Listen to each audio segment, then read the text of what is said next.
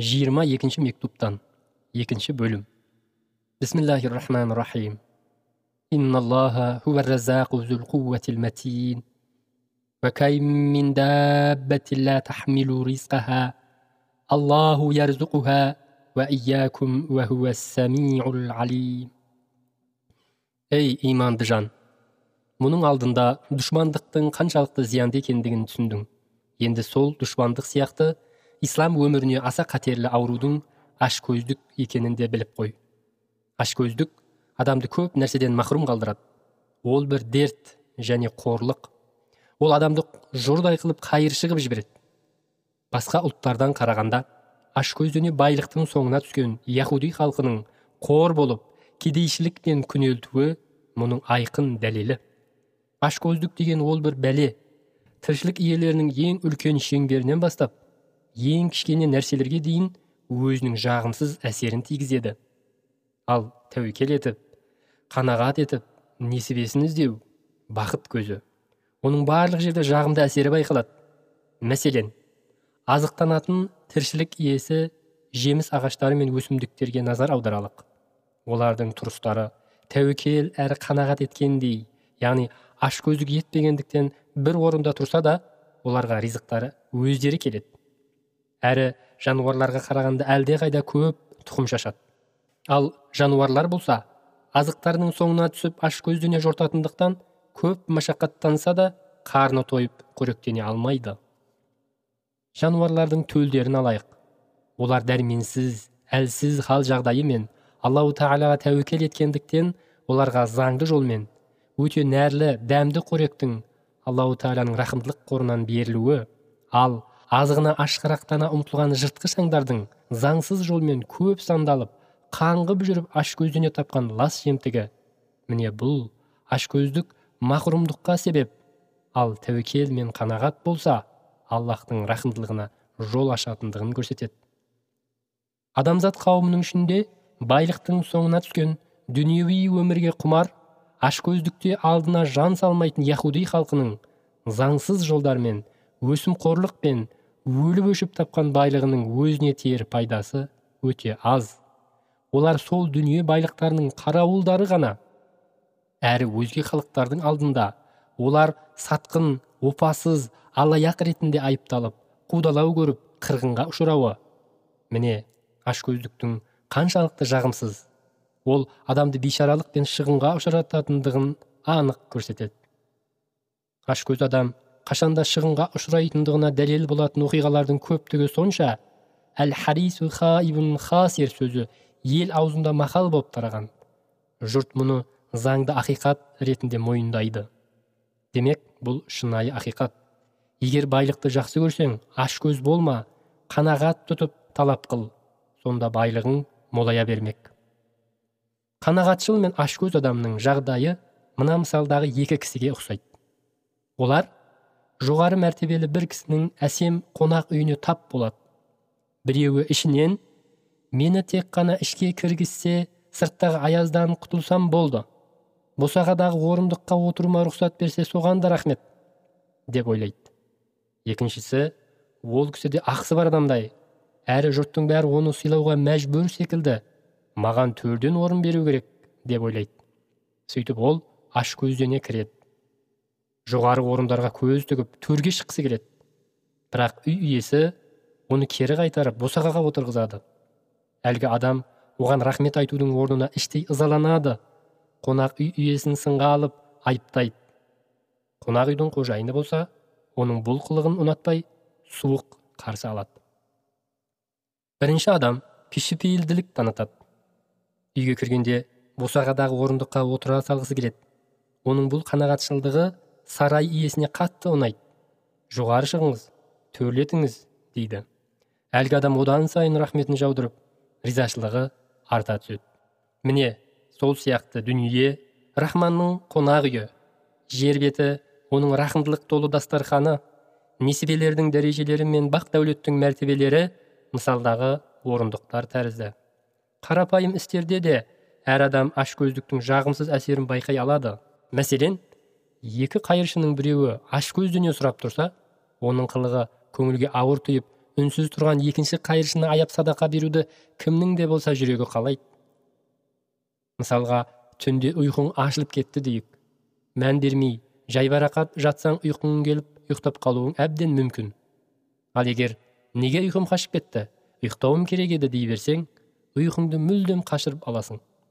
Немесе маңызды бір шаруа үшін біреуді тағатсыздана күтсең қайда жүр?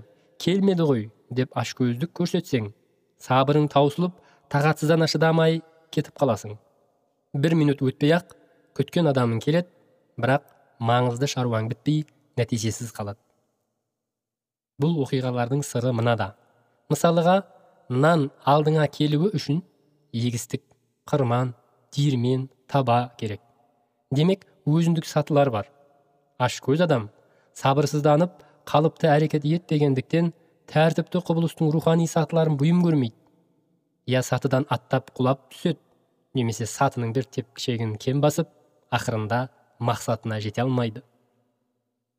Ей күнкөрістің қамы мен есіл дерті дүние мен мал мүлікке ауған бауырларым. Ашкөздіктің осыншама зиянды бәле екенін біле тұра. Әр түрлі қорлыққа шыдап мал мүліктің соңында адалды да араммен араластырып қайдан қалай келсе де пайда тапсам болды деп ақыреттік өмірдің талап шарттарын қалай пида қылып жатырсыңдар? Тіпті ашкөздіктің кесірінен ислам шарттарының ең маңыздыларының бірі зекетті де ұмытасыңдар.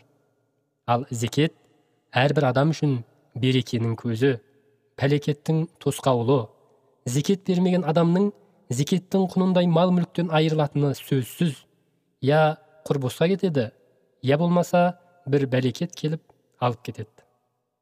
Бірінші дүниежүзілік соғыстың бесінші жылында ақиқат бір түс көрдім. Сол ғажайып түсімде маған сұрақ сұрады. Мұсылмандардың басына келген мына ашаршылықтың дүние мүліктен жұрдай болудың және осыншама сұрапылдың себебі не? Түсімде былай деп жауап бердім. Аллау тағала өзі берген мал мүліктің кейбір түрінен оннан бірін яғни үшірді ал кейбіреуінің қырықтан бірін яғни зекетті кедейлерге үлестіріп олардың дұғасын батасын алыңдар және өшпенділігі мен ашу ызасынан құтыласыңдар деп бізге бұйырды. Біз ашкөздік пен сараңдық жасап бермедік. Аллау тағала жиналып қалған зекеттің қырықтан отыз оннан сегіз бөлігін алып қойды. Жылына бір ай жетпіс түрлі сыры бар ашығуды сұрады. Біз нәпсімізді аядық ләззаты мол уақытша аштыққа шыдамадық яғни ораза ұстамадық. Аллау тағала жаза ретінде жетпіс түрлі бәлесі бар аштықты алдымызға келтірді. Бес жыл бойы оразаның бір түрін мәжбүр тұтқызды. Жиырма төрт сағаттың тек бір сағатын жанға жайлы нұрлы пайдалы раббымыздың ұлы тәліміне яғни намазға жұмсауды бұйырды. Біз жалқаулығымызды ұстап намаз бен дұғаны орындамадық. Сол бір сағатты да басқа сағаттарға қосып босқа өткіздік. Аллау тағала солардың өтеуі ретінде бес жыл бойы соғысқа салып жаттығу жасатып зыр жүгіртіп намаздың бір түрін оқытқызды деген едім. Содан оянып кеттім. Ойланып отырып осы бір түсте аса маңызды ақиқат барын түсіндім. 25 бесінші сөзде бүгінгі мәдениет пен құран үкімдерін салыстыра отырып толық дәлелденгеніндей адамзаттың қоғамдық өміріндегі жаман қылықтар мен жүгенсіздіктер және қақтығыс біткеннің бәрі екі ауыз сөзден туындайды. Бірінші сөз. Мен тоқ болған соң басқаның аштан өлгенімде не шаруам бар? Екінші сөз. Сен еңбек ет жұмыс істе мен қызығын көрейін бұл екі сөздің демеушісі өсімқорлықтың етек алуы және зекеттің қоғамда берілмеуі. Қоғамның осы екі қауіпті дертін емдейтін жалғыз шара бар. Ол зекет беруді баршаға ортақ қағидаға айналдыру және өсімқорлыққа тыйым салу. Сондай ақ бұл тек жеке бастың немесе белгілі бір топтың ғана емес күллі адамзат баласының бақытының қазығы тіпті адамзат өмірін жалғастыратын негізгі тірек өйткені адамзат екі топтан яғни бай мен кедейден тұрады. Байлардың кедейлерге қамқорлығы мен қайырымдылығын ал кедейлердің байларға құрметі мен бағынуын қамтамасыз ететін тек қана зекет. Әйтпесе кедейлердің басына зұлымдық пен үстемдіктің қара бұлты төнеді. Кедейлер де байларға бас көтеріп қарсы шығады ылаң салады. Адамзаттың осы екі тобы арасында әрдайым осындай күрес пен даудамай жалғасып келеді. Бара бара ресейде болғаны секілді еңбек пен капиталдың соғысына ұшыратады. Ей кең пейілді намысты жандар! Жаны жомарт жайсаң мінез ағайын! Қайыр садақа зекет ретінде берілмесе оның үш зияны бар. Кейде пайдасыз кетеді. Өйткені аллах ризалығы үшін бермеген соң міндетсінесің. Кедей бейшараны кіріптар қылып төмендетесің сөйтіп оның қабыл болғыш дұғасынан махрұм қаласың. Шындығында сен аллаху тағаланың құлына беретін мал мүлкін рызық несібесін тек таратушы ғанасың. Бірақ солай бола тұра өзіңді дүние мүліктің иесімін деп масығасың. Егер зекет ретінде берсең құдай үшін бергендіктен сауап аласың саған берілген нығметтерге шүкіршілік қылған боласың. Әрі мұқтаж адамда саған жағыну үшін жағымпазданбайды.